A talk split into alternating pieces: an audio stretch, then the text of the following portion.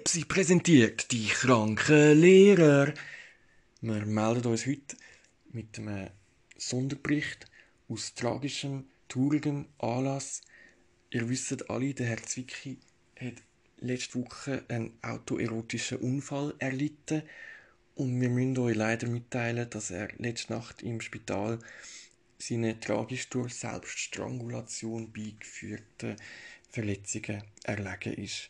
Der Herr Zwicky, ein toller Mensch, ein toller Mann, ein wundervoller Pädagoge, ein Familienvater, ein alter, runzliger Perversling, wie es ihn an jeder Kantonsschule in der Schweiz gibt und einfach ein Top-Mensch, wie es ihn heute nicht mehr gibt.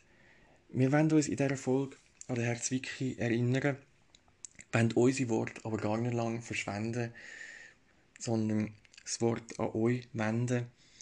Und wir haben gedacht, dass stellvertretend für euch alle eure Lieblingsmitschülerin, die Vogue Anna, das Wort ergreifen soll. Äh, Vogue Anna auf Twitter, äh, Instagram und TikTok oder so. Wir wissen ja alle, sie ist auch eine fabelhafte, vorbildhafte Influencerin und wir wollen gar nicht länger weiterreden. Vogue Anna, das Wort gehört dir. Teile uns doch bitte deine Erinnerungen an wundervolle Herr Zwicky. Hi zusammen, hallo, ich bin's, euer Vogue Anna, at Vogue Anna auf Twitter, Insta und natürlich vor allem TikTok. Aber bevor ich da überhaupt irgendetwas mache, will ich zuerst mal 1000 Likes sehen. Okay, ich warte. Okay, danke schön, ihr seid die Besten. Also der Herr Zwicky, er war ja ein lustiger Vogel. Also ein komischer Vogel. Also Hashtag Weirdbird. Und der Zwicky, irgendwie, ich weiß so, ein bisschen ambivalent oder so, weißt es ist einfach schwierig gewesen, weil er ist ein ein alter Perversling gewesen, weißt er hat immer so auf den Arsch gestarrt und so, also ich spüre das auch, weißt meine Arschbacken werden so rot, außerdem starren die irgendwie alle auf den Arsch, ich weiß es schon, aber ich habe auch einen fabulous Arsch, der Hashtag nicht fake ist, aber auf jeden Fall, der Herr Zwickri, ich kann wollen Hashtag MeToo wegen diesen Sachen, aber jetzt habe ich so ein schlechtes Gewissen, weil er ist Hashtag Mental Ill gewesen, weil at Hashtag Sexual Addiction gehabt und Hashtag Sexual Addiction is a Disease, Hashtag Awareness, Hashtag Vogue, at Vogue Anna, follow mir.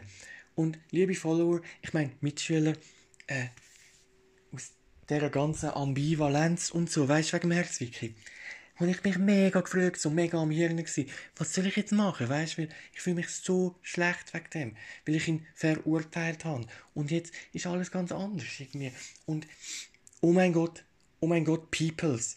Peoples, Peoples, Peoples. Ich habe die perfekte Lösung gefunden im Fall. Oh mein Gott, ich bin ja eingeladen an seine Beerdigung am Freitag und ich werde ihm in sein Grab, anstatt eine Rose, habe ich mir gedacht, ein dreites Hösli von mir reinschmeißen. Oh mein Gott, voll geisteskrank. Hashtag pervers geisteskrank. Aber das ist lange nicht alles. Ihr werdet das Hösli auch überkommen. Also nicht mies. ich trage nicht alle. Aber weißt das gleiche, im gleichen Design aus der neuen Vogue Anna Beauty Line Collection. Oh mein Gott, es wird so geil. Ihr werdet das lieben. Und 20%, ich meine, oh mein Gott, ich verdiene fast nichts mehr dran. Es ist der beste Deal, wo ich je gesehen habe bei einem Produkt, wo ich verkaufe für euch. Danke vielmals fürs Zuhören. Und ähm, natürlich der Gutscheincode für die 20% ist Herzwiki. Bitte beim Checkout den Voucher Herzwiki verwenden. Danke vielmals. Tschüss. Okay. Ich habe keine Ahnung, was zum Fick das gerade war. Ähm, was? Volcana, du willst noch mal etwas sagen? Ja, sorry, etwas habe ich vergessen. Volcana Forever. Hashtag Volcana Forever. Okay, Vogue Anna. Ich bin mir ziemlich sicher, dass das in irgendeiner Form rassistisch war. Ich weiß nicht genau wie. Egal, wir beenden die heutige Sonderberichterstattung und behalten den Herr Zwicky für immer in unseren Herzen.